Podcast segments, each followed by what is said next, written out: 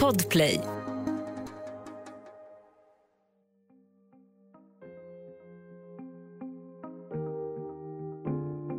Färjan Scandinavian Star är på väg från Norge till Danmark, men den kommer aldrig fram. En våldsam brand utbryter när färjan befinner sig utanför Bohuslän. 159 människor omkommer. Sjöräddaren Rolf Karlsson är en av dem som rycker ut mitt i natten och möts av scener han aldrig kommer att glömma. Det här är Jag var där med Andreas Utterström och Mattias Bergman. I den här säsongen jobbar vi också med Lisa Wallström. Nytt avsnitt varje onsdag om du inte lyssnar i Podplay-appen. Där finns säsongens alla avsnitt redan nu, helt gratis.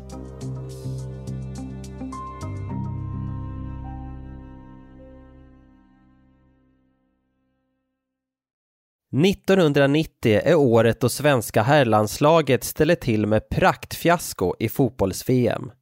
Frihetskämpen Nelson Mandela släpps ur ett sydafrikanskt fängelse efter 28 år i ofrihet. Och på bio ser svenska folket Ensam hemma och Pretty Woman.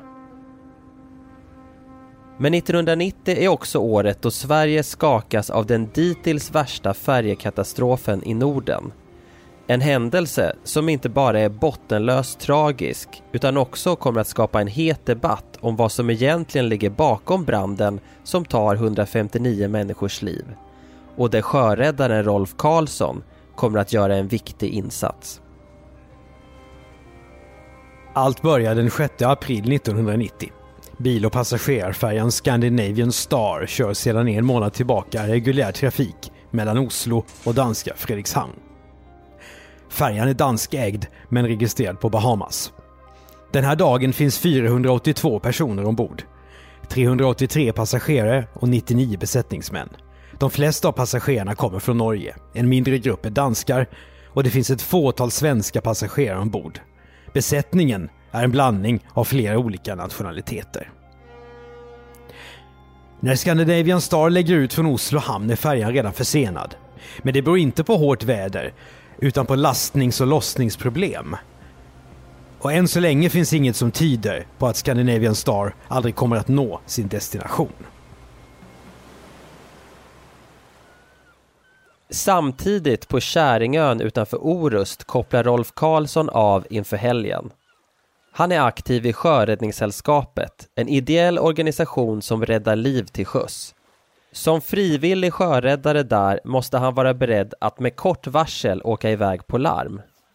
Men just den här kvällen har Rolf tankarna på helt annat håll.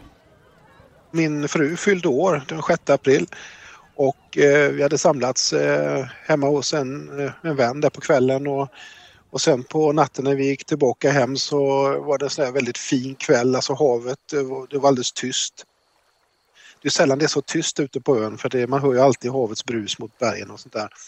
Men den här kvällen var en fantastiskt fin kväll. Samtidigt är Scandinavian Star på väg mot Danmark. Vid tvåtiden på natten befinner sig färjan på svenskt vatten utanför Bohuslän. Då inträffar en kraftig brand. Panik utbryter ombord. Det saknas passagerarlistor så ingen vet hur många eller vilka personer som finns ombord. Besättningen har inte fått tillräcklig säkerhetsutbildning. De pratar också olika språk och har därför svårt att kommunicera med varandra. Dessutom saknas brandlarm och utrymningsplaner. Besättningen lyckas inte få kontroll på branden. Scandinavian Star begär assistans. Andra båtar som finns i närheten ändrar kurs och styr mot den brinnande färjan. Samtidigt rycker helikoptrar, livräddningskryssare, lotsbåtar och kustbevakningsenheter ut. Men det är inte bara hos yrkesmän som larmet går. Det går också hos Sjöräddningssällskapet där Rolf Karlsson är frivillig sjöräddare. Från att bara några timmar tidigare ha firat sin frus födelsedag kommer han nu att kastas in i något helt annat. Men någonstans där på, på natten så, så ringer telefonen. Då är det min far som då var ansvarig för sjöräddningsstationen på Käringön som ringer och, eh, så, och då är min fru hon svarar, det var min trådtelefon så att hon försöker sträcka över telefonluren till mig då på andra sidan sängen där och, Och så hör jag någonting som säger att ja, du, eh, ja, du får ta och ragga ihop en besättning och komma med den stora, med den stora räddningskryssaren då. För det är en eh, båt som brinner här ute. Och då blir man ju klarvaken. Ja, Rolf inser att det här är på allvar och bråttom. Och jag tänkte, det, det här är inte sant. Eh, och så, så berättade han då, ah, vi, vi var på väg med den lilla båten och, och, och så hör vi det här larmet och, och ah, vi måste ju få ut mer enheter. Du får ta den stora och få ihop en besättning och komma. Sjöräddningssällskapet bygger på frivillighet. Så nu gäller det för Rolf Karlsson att snabbt hitta andra sjöräddare som kan följa med honom ut på räddningskryssaren Dan Broström, som båten heter. Att få ihop en besättning där mitt i natten, en fredagkväll eller fredag natten till lördag då, det, det, var ju inte det lättaste. Ringa runt där och man fick ihop eh, fem man till och, och så tog vi oss ner till den här Dan Broström då som låg i hamnen.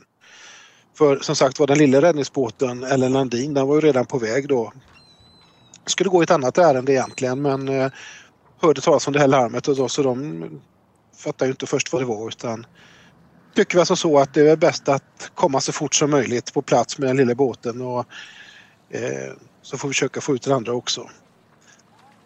Men det var ett litet problem med det hela för att Dan och den räddningskryssaren, den var ju byggd 1967 och hade nu då 1989-90 genomgått en jättestor ombyggnad och renovering. Så man hade bytt ut hela maskineriet, hela styrhytten, allting var nya installationer. Och grejen var att den här veckan, påskveckan som skulle komma nu då, då skulle vi ju lära oss båten. Så jag hade ju aldrig kört den här i den här formen innan, aldrig startat maskinerna. Ingen av oss som var där nere kunde ju någonting om båten. En nyrenoverad båt som ingen i besättningen behärskar det är det sista Rolf Karlsson och hans besättning behöver just nu. I ett skarpt läge som det här är varje minut värdefull. Det kan vara skillnaden mellan liv och död för de på Scandinavian Star som kämpar för sina liv.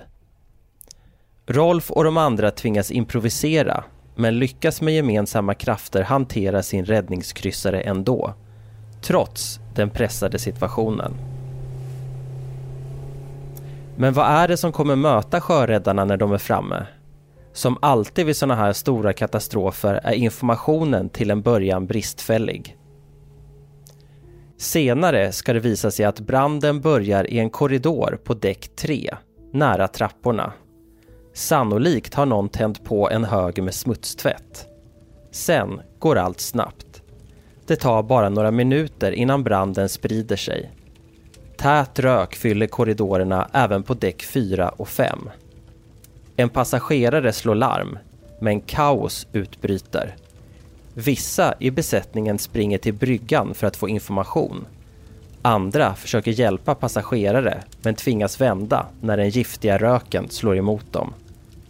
Några springer direkt till livbåtarna. Eftersom ingen tryckt på rätt brandlarmsknapp stängs inte branddörrarna ombord så elden och röken fortsätter att sprida sig. Vid halv tre-tiden på natten ligger Scandinavian Star stilla och driver.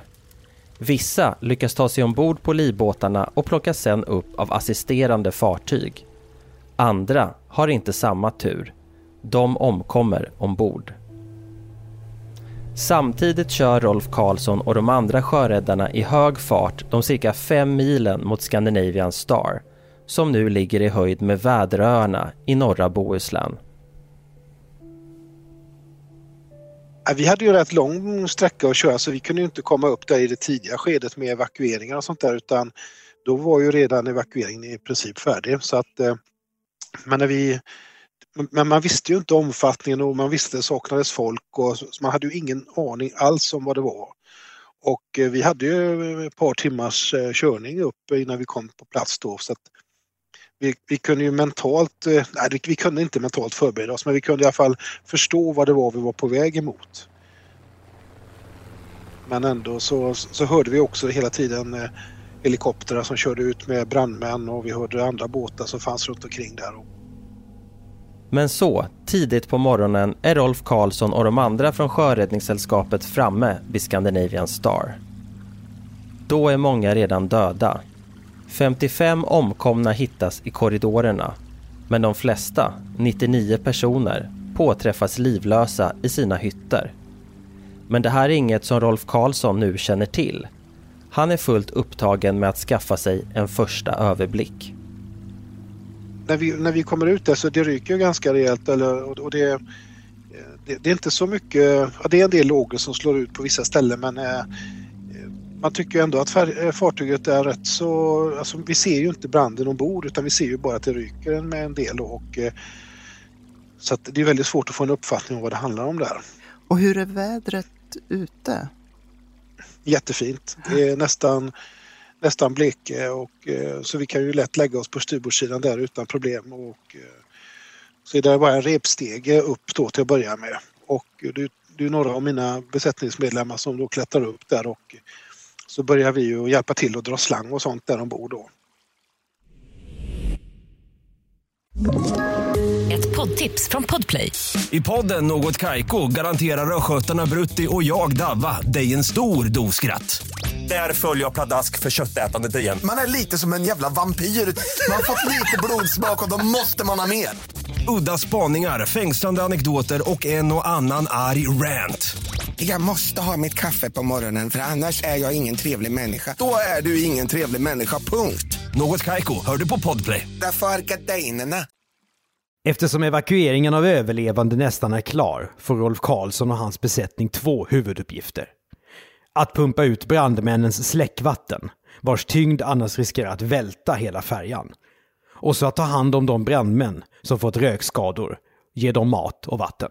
Jag fokuserar på på den ledningsbiten där med att då se till att vi hade pumpar som pumpar vatten och att vi kunde ta ombord länsutrustning. Och, och så kommunikation då med alla andra runt omkring så att vi, vi blev ju som en basplattform för hela insatsen så vi koordinerade ju så vi fick ut luftpaket till rökdykarna, vi fick ut mat och potatis och eh, allt sånt där som behövdes för att göra det här. Va? När sjöräddarna går ombord på Scandinavian Star möts de av fruktansvärda scener. Då är det ju ja, så då är det en av våra besättningsmedlemmar som är med och drar slang till att börja med. Då, då har man släckt av första delen i en korridor där som vetter ut dem mot däck. Och när han kommer in i det här utrymmet så snubblar han upp i en hög där med massor av döda människor. Och då, då börjar vi förstå vad, vad, vad det är som har hänt här uppe. Det var ju en väldigt traumatisk upplevelse för honom där att komma in där och inte alls vara beredd på detta utan ramla i den här högen med både barn och vuxna om vartannat då, som ligger här i korridoren. Då. Det här är scener som de kanske hade sluppit om besättningen gjort ett bättre jobb. För senare skriver haverikommissionen i sin rapport att besättningen aldrig gör något egentligt försök att bekämpa branden. Något som får fruktansvärda konsekvenser. Inte minst för barnfamiljerna ombord. De som kanske har lockats av reklamen som utlovar en minikryssning med dansorkester från New York, Broadway-show och spelhallar. Rolf Karlsson kommer aldrig att glömma det som möter sjöräddarna när de kliver in i hytterna på färjan. För hytterna var ju inte liksom belastade av brand men det hade kommit in gas, brandgaser. Och det låg döda människor på, på durken, alltså på golvet i hytterna. Och vissa hade krypit fram till eh, i duschen till, avlopps, eh, ut, eh, till avloppet där och kunde då liksom försöka få lite frisk luft från avloppsrören där. Så det är fruktansvärda scener som har utspelats där ombord alltså. Rolf Karlsson har också ett annat minne som etsat sig fast. Då, då var vi inne och tog en, en runda i det som var avsläckt då för att få en uppfattning om brandspridning och sånt där. Men och då, då såg man mycket av det här förödelsen de här döda. Och sen var det på bildäck så satt det också det satt en chaufför i en lastbil som hade liksom somnat in. Han satt, han satt precis som han skulle köra av färjan.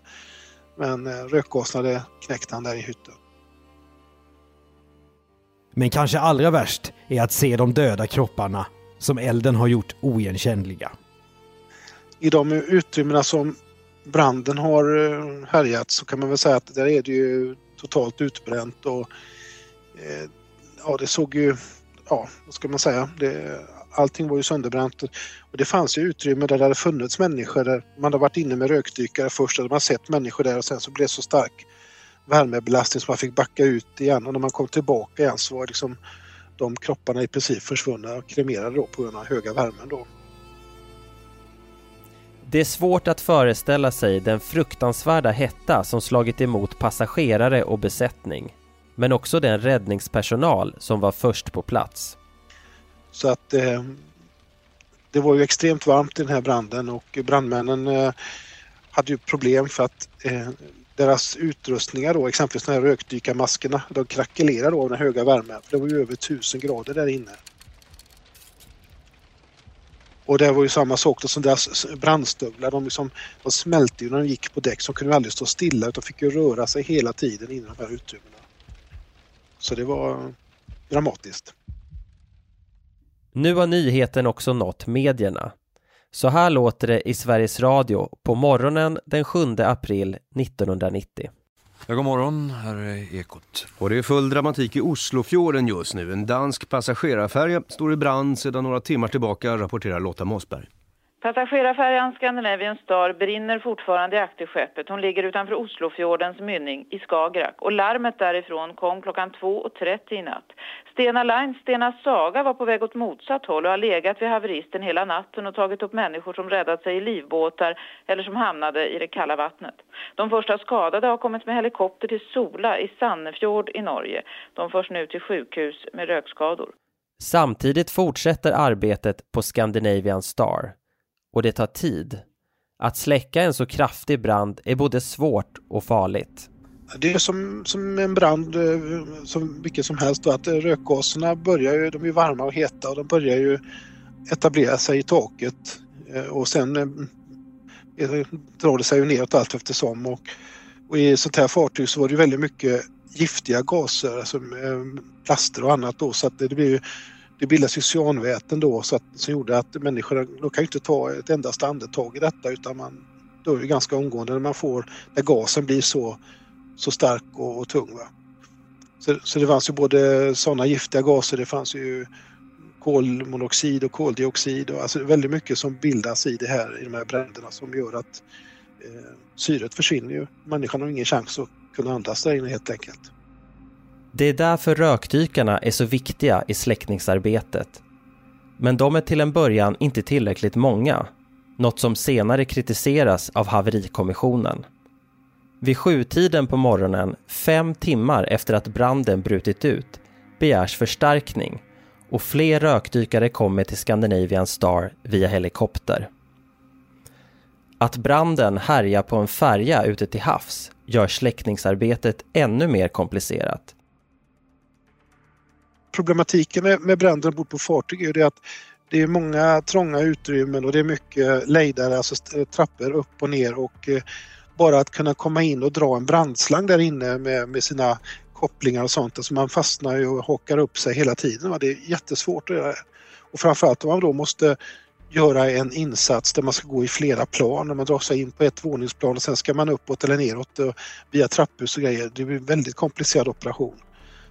Och sen är ju hela båten i, i stål och, och eh, det vet man ju hur stål leder värme. Det leder ju värme ganska bra så att eh, det blir ju brandspridningar både uppåt och neråt och åt sidan så att säga. Så det, eh, det, det, det är svårt att, att, att få kontroll över en sån brand.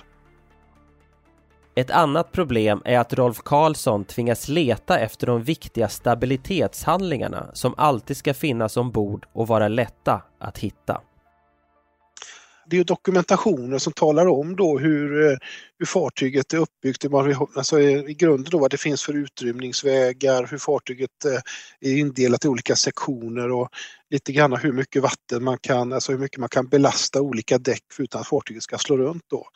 Så det, det är en viktig dokumentation för att få en uppfattning om, eh, om allting. Va? Hittar du det? Nej, det fanns ingenting ombord. Mm. Och vi pratade med, med några brandmän där som som då eh, också hade tittat efter någon form av ritningar över fartyget. Och, och det enda de hade att eh, utgå från när de gjorde sina rökdykarinsatser och sånt där, det var de där typiska översiktsplanerna som finns då när man kommer ombord som passagerare. Här har detta däcket har du bar och restaurang och här bor du och bla bla bla. Men ingenting, inga detaljerade med brandpostsystem, länsutrustningar eller någonting sånt där. Säkerheten på Scandinavian Star är under all kritik. Men Rolf Karlsson och alla de andra som jobbar med släckningsarbetet kämpar vidare. Till slut är elden så kontrollerad att färjan kan boxeras till Lysekil. Dit kommer den vid niotiden på kvällen den 7 april 1990. För Rolf Karlsson och de andra från Sjöräddningssällskapet innebär det att deras insats är över. Det är dags att åka hem. När vi var färdiga där och lämnade platsen och åkte hem, då var det liksom mitt i natten då, nästan ett dygn senare från det att vi har fått larmet.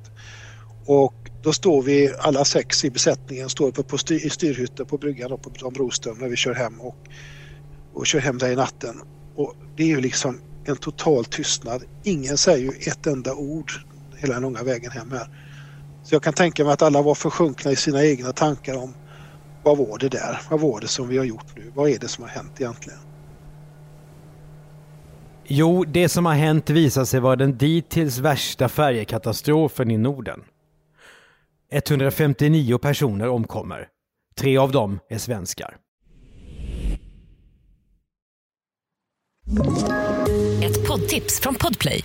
I podden Något Kaiko garanterar östgötarna Brutti och jag, Davva, dig en stor dos skratt. Där följer jag pladask för köttätandet igen. Man är lite som en jävla vampyr. Man har fått lite blodsmak och då måste man ha mer. Udda spaningar, fängslande anekdoter och en och annan arg rant. Jag måste ha mitt kaffe på morgonen för annars är jag ingen trevlig människa. Då är du ingen trevlig människa, punkt. Något Kaiko, hör du på Podplay. Därför är gardinerna.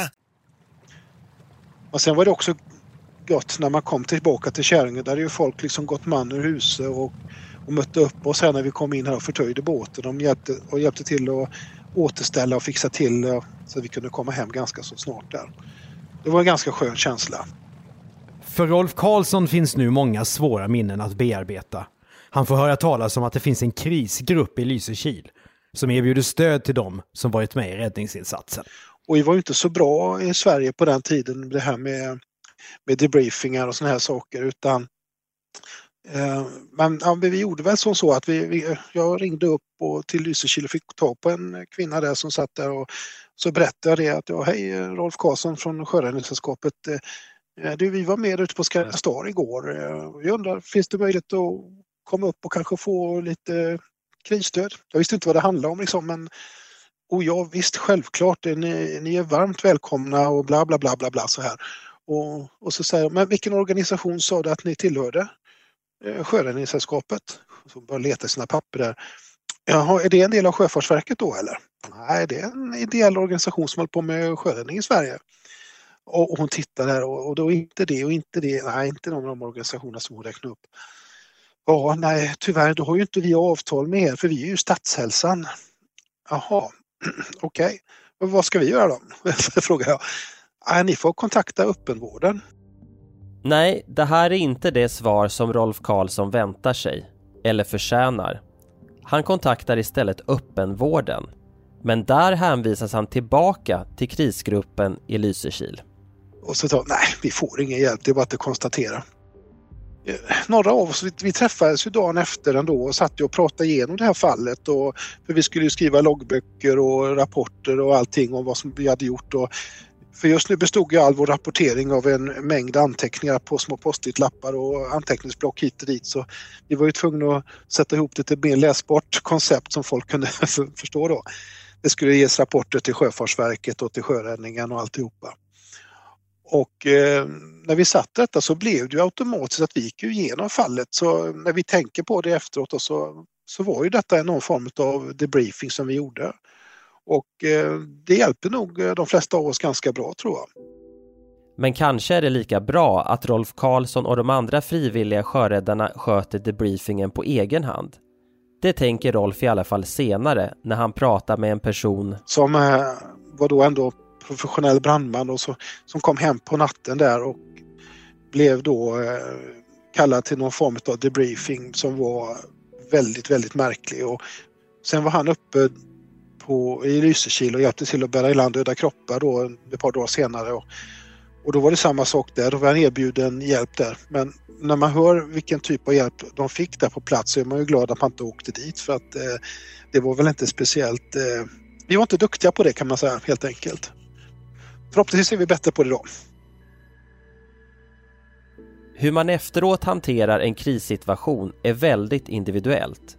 Vissa plågas av fasansfulla mardrömmar, men inte Rolf Karlsson. Däremot minns han ett tillfälle när han utan förvarning på en sekund kastas tillbaka till de otäcka upplevelserna vid Scandinavian Star. Jag råkade ut för en grej ganska lång tid efter själva eh, den här händelsen och det skulle man väl kunna kalla det för någon form av posttraumatisk stress.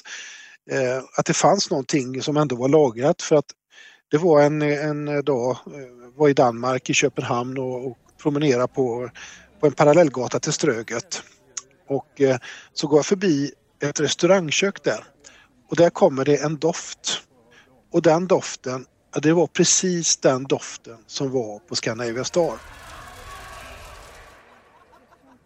Och det blev som jag fick ett knytnävsslag i ansiktet.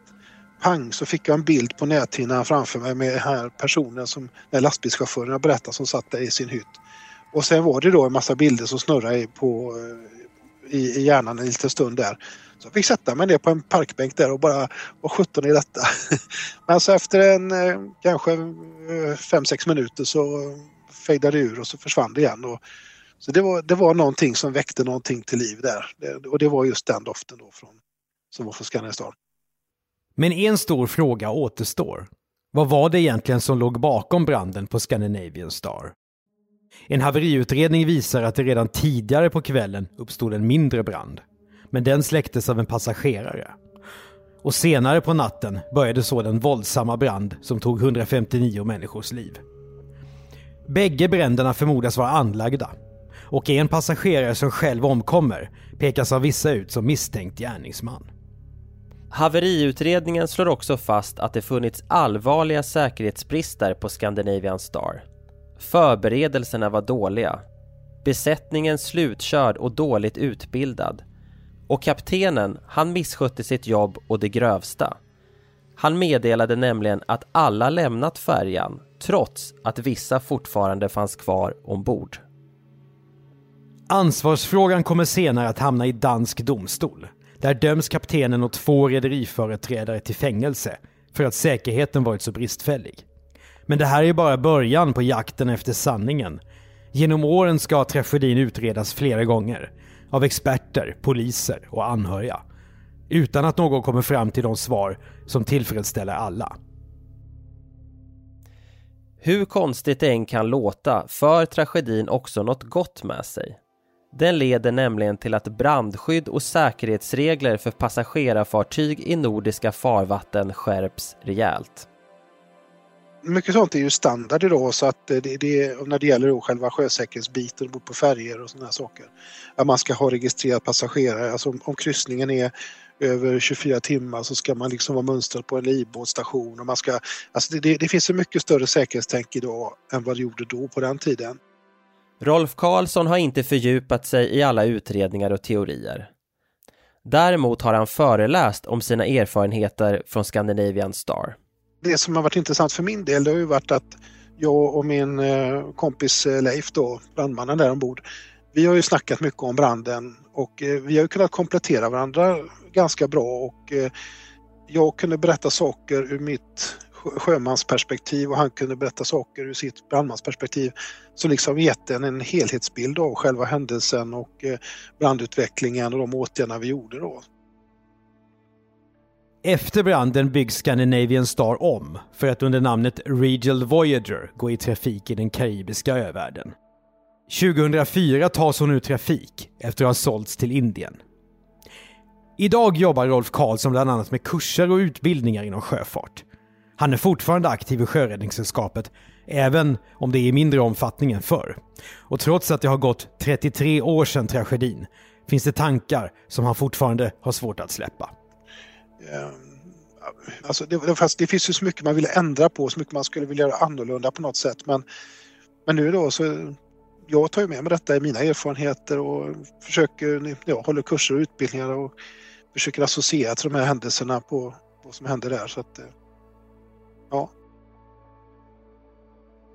Man skulle kunna tänka sig att Rolf Karlsson efter insatsen vid Scandinavian Star känner obehag inför att åka färja. Men så är det inte. gjorde jag senast igår så att eh, det vågar jag. ja. Vad var du då? Jag var i, i Danmark på ett eh, sjösäkerhetsuppdrag så att eh, jag var tvungen att åka färja hem. ja. Men säkerhetstänket finns ändå där i bakhuvudet. Jag är, är nog mer den typen som går och tittar själv. Var, var finns de här assembling points? Alltså var är samlingspunkterna om det händer någonting och var finns eh, var är evakueringsvägar och sånt. Det, det sitter så djupt rotat så den in, informationen tar jag till mig när jag går ombord på en färja. Samma sak som när jag bor på ett hotell så tittar jag alltid efter var är, var är närmsta brandsläckare, var är närmsta nödutgång, hur ser det ut och allt sånt där. Du har hört Jag var där med Mattias Bergman och Andreas Utterström. Producent Andreas Karlsson, exekutiv producent för säsongen är Jonas Lindskov. Intervjun är gjord på Beppo ljudproduktion. Jag var där i en produktion av Commercial Content för Podplay. Läs mer om commercial content på vår sajt och följ oss gärna på Instagram och LinkedIn. Vill du veta mer om vad det innebär att, som Rolf Karlsson, vara frivillig sjöräddare? Då kan du lyssna på podden Helt frivilligt, som vi gjort på uppdrag av Sjöräddningssällskapet. I nästa avsnitt får du höra historien om vad som hände när världsartisten ASAP Rocky häktades i Stockholm. Sverige hotades av president Trump och justitieminister Morgan Johansson fick ha sitt livs mest bizarra möte.